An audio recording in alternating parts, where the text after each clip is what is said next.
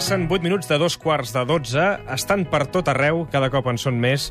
Per alguns és una moda, per altres és una forma de vida. Sigui com sigui, els runners, aquesta gent que surt a córrer de tota la vida, ja fa anys que envaeixen els carrers dels pobles i les ciutats de Catalunya i del món en general.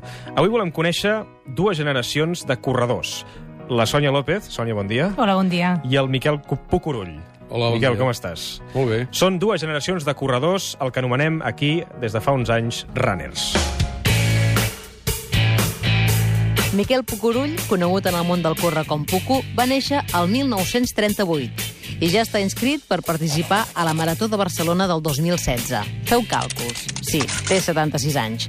De jove jugava a bàsquet i després d'uns quants anys de vida sedentària i d'engreixar-se massa quilos, va començar a córrer als 41. Ha corregut més de 500 curses populars i ha acabat 45 maratons. Un dels darrers llocs on ha corregut és a la Meridiana, portant el punter de la via catalana. En tots aquests anys ha tingut ben poques lesions i només ha estat un dia al llit per una grip. La Sònia López és una vella coneguda dels oients del suplement. L'any passat va participar a la Marató de Barcelona representant el programa. Fa 10 anys, en el part del seu primer fill, va tenir una angina de pit que gairebé li va causar la mort. Un cardiòleg, després que li preguntés si podria tornar a fer esport, li va dir «Total, si mai correràs una marató?» Doncs bé, el cardiòleg es va haver de menjar les seves paraules perquè després del part i d'una temporada en què no feia esport per por de morir, la Sònia va decidir enganxar-se a l'atletisme i el 6 de març del 2011 va completar la seva primera marató en 4 hores i 17 minuts.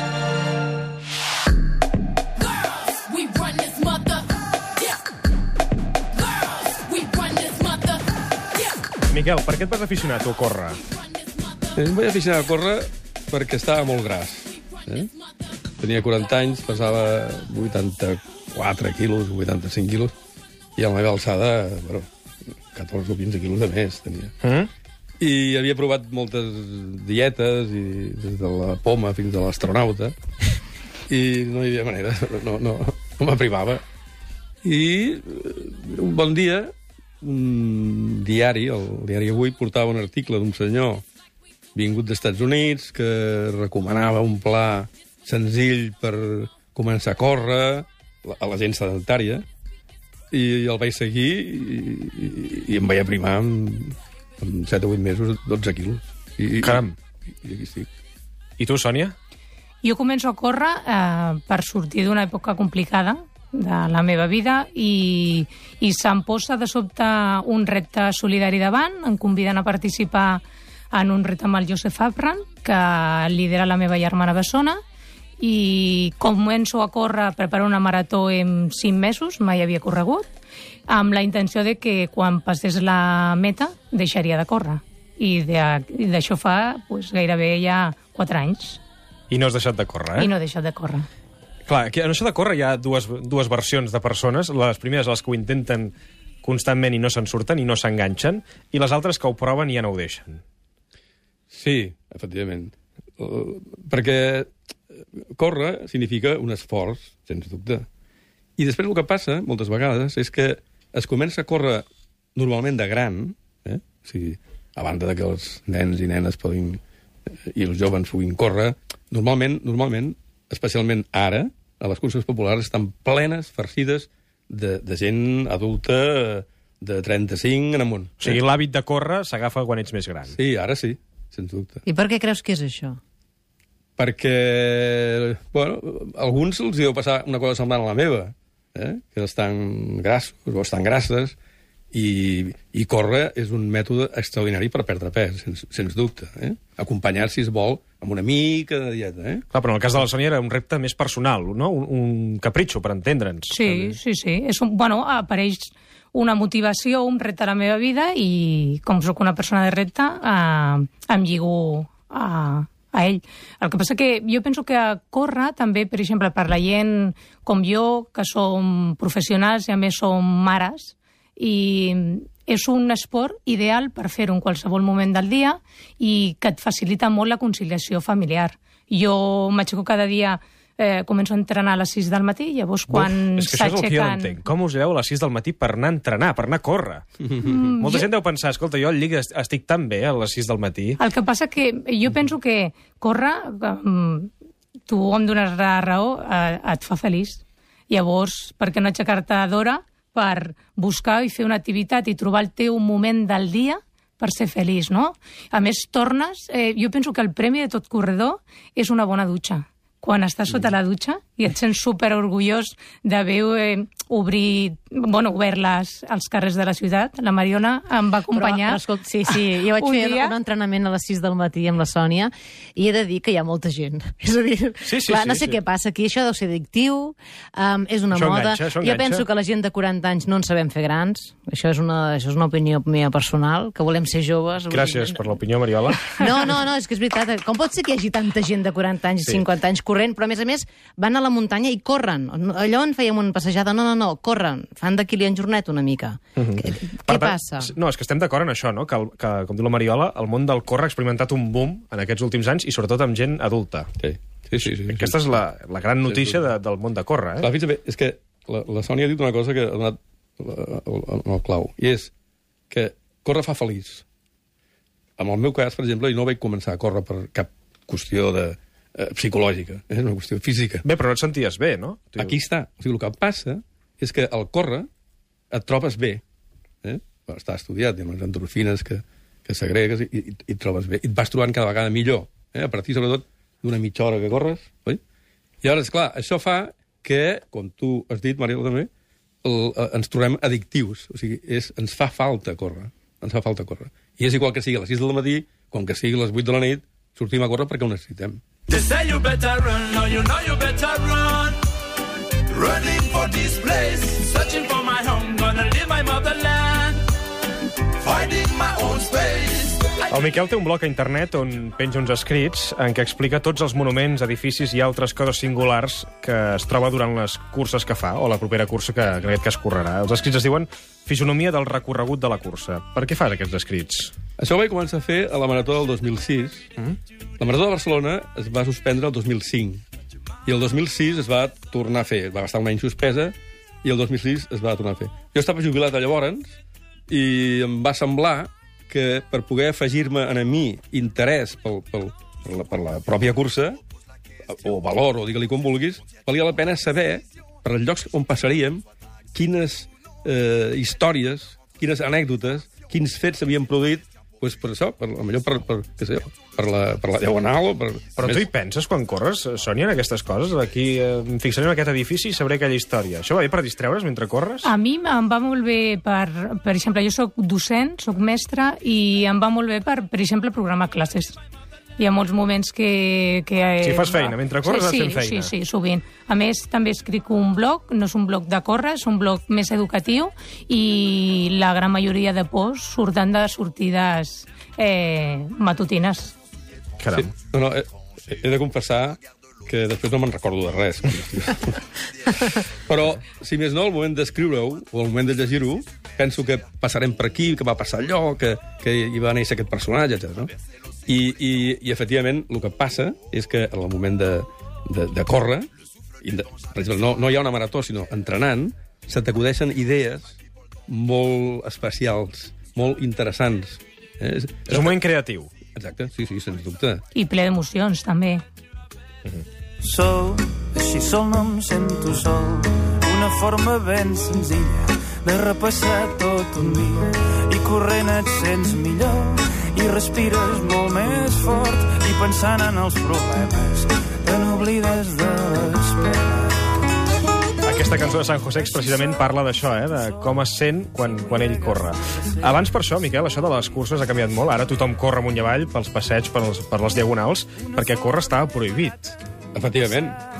La, la marató de, de Barcelona, la primera marató que es va fer a Catalunya, la primera marató popular que es va fer a Catalunya, es va tenir que anar a fer a Palafrugell el 1978 perquè aquí a Barcelona no donaven permís. O sigui, fins al 1978 va estar prohibit córrer al carrer. Eh, Va estar prohibit per al carrer.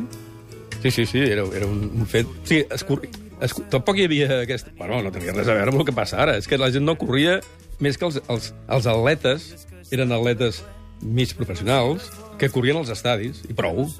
Tot a córrer al carrer Això del córrer al carrer ho va portar precisament aquest senyor que us deia abans del mètode aquest per poder... L'article de l'avui que deies, no? Exacte, que era Ramon Oliu. Ramon Oliu, sí, que es fa la cursa ara, no? Exacte. Un dels promotors de la cursa a Barcelona. Exacte. Ell va, no, no, no, ell va ser... Ell va ser el promotor, sí. Ell va ser el promotor. Ell va ser el promotor. Llavors, aquest, aquest bon home, la, les dues primeres les va tenir que anar a fer a, la Palafrugell, a Palafrugell perquè aquí no li van donar permís. Fins a l'any 1980. I les dones? Les dones encara menys. Les dones, la primera marató a Palafrugell van ser tres dones. Tres dones. I mira el que ara correm ara, eh? Ara hi ha molta dona Són corrent, moltes, tot el sí. dia. Clar, perquè ara hi ha més. més dones o homes corrent? No, aquí a Catalunya i aquí a Espanya eh, encara hi ha més homes que dones. Però hi ha països com els Estats Units on corren més dones que homes. És curiós, però és així mateix. Eh? Aquí és una assignatura pendent, sobretot en la marató, que cada vegada està millorant, cada vegada n'hi ha més, però costa molt. Tu ho notes, això, Sònia? Jo noto que cada... Jo corro fa 4 anys i sí que en 4 anys la quantitat de dones que, que participen en les curses o simplement que et trobes entrenant per la ciutat eh, és cada cop més gran, no? I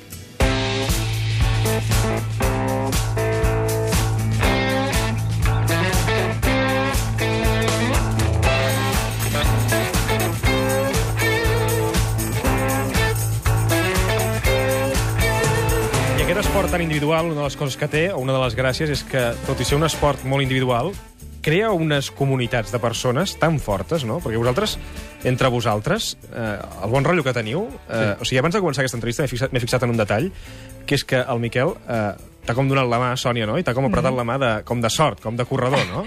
Jo li dic sempre senyor Pucurull i ell s'enfada i em diu, home, senyor, no. Mm, bueno, per mi és un referent, sóc una seguidora del seu blog i, i bueno, és, un, és una mostra de que els hàbits saludables s'han de mantenir en totes les edats. Clar, com que estem a la ràdio, no, no, ningú veu com estic posant vermell. No, No Estàs gaire. emocionat. Estàs, sí, més commocionat sí. que res. Puco el coneix tothom, que corre. Sí, no? això és veritat, no? Bueno, jo quan aquest any li explicava, no? ell no em va sentir, però nosaltres eh, quan bueno, vam arribar a meta de, de la gran experiència de córrer pel suplement, jo em vaig esperar amb els meus fills i amb el meu marit i, i, i vam esperar l'entrada del, del Pucurull, no?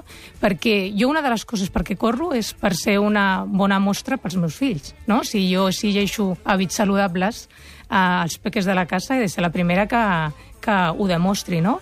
I eh, poder ensenyar que una persona, no diré gran, sinó una persona ben en forma, arriba a una marató i, i bueno, és, un, és una imatge per, per, per nens i grans, doncs esperem l'entrada. I, i, I això que Pucurull. escriuen al Club de les Males Madres, eh, la Sònia? jo que això són molt actives a madres. internet. Sí, sí. Però, Sònia, amb, amb els corredors que vau representar aquells programes de Catalunya Ràdio la, Sí. a la Marató de l'any passat, heu fet colla?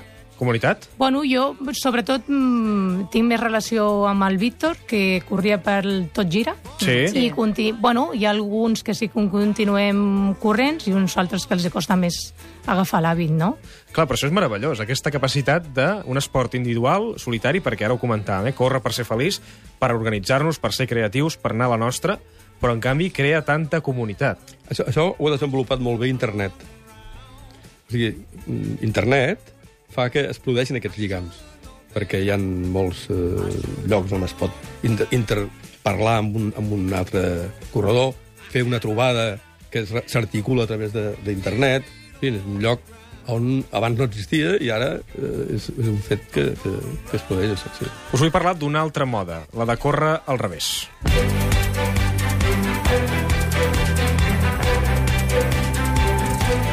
Es diu retrorunning. L'heu practicat mai, vosaltres? No. No? No. I hi ha una noia que és capdavantera en tot això, que és la Sandra Corcuera. Sandra, bon dia.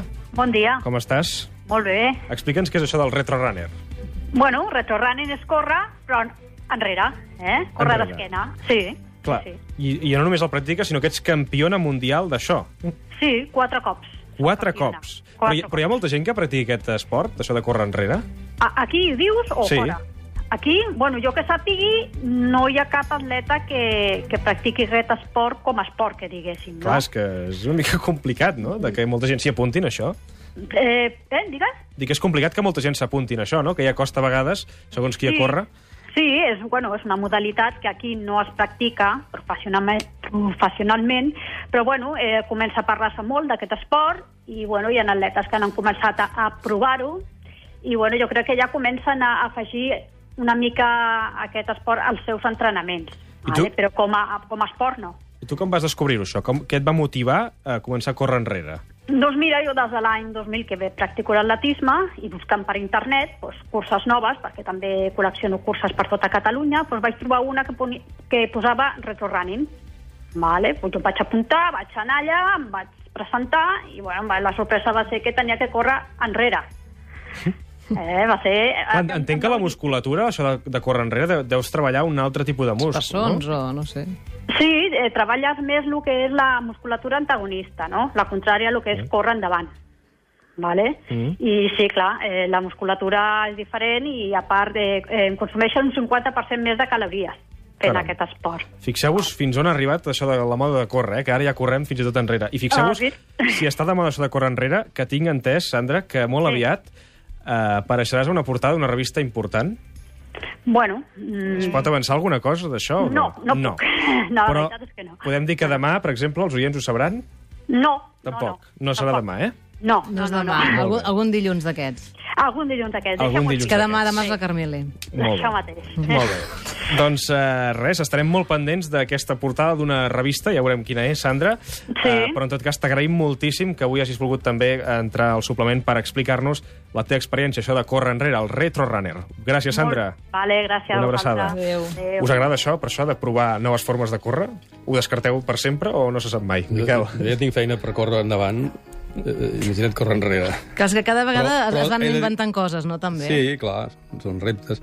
He de dir de totes maneres que sé que la Sandra és una crac amb, aquest, eh, amb aquesta especialitat. Eh? Té medalles, sí. Sí. Tu, Sònia, ho provaries, això? O ho descartes? Jo sóc de provar molt, eh? Sí. Sí, sí. sí. Si la Sandra em complida un entrenament, ens apuntem, no? O sigui, el dia que a. Catalunya hi hagi una cursa popular de retrorunners, això voldrà dir que ja estarà la cosa molt consolidada, eh? tant d'una banda com de l'altra. Mirant endavant o mirant enrere, la qüestió és la mateixa, que és córrer. Miquel Pocorull, Sònia López, ha estat un plaer eh, conversar amb vosaltres i entendre una mica més eh, com ha anat eh, evolucionant aquest món de córrer i el món dels runners. Un plaer immens, de veritat. Moltes gràcies a vosaltres. Moltes gràcies. Gràcies per venir.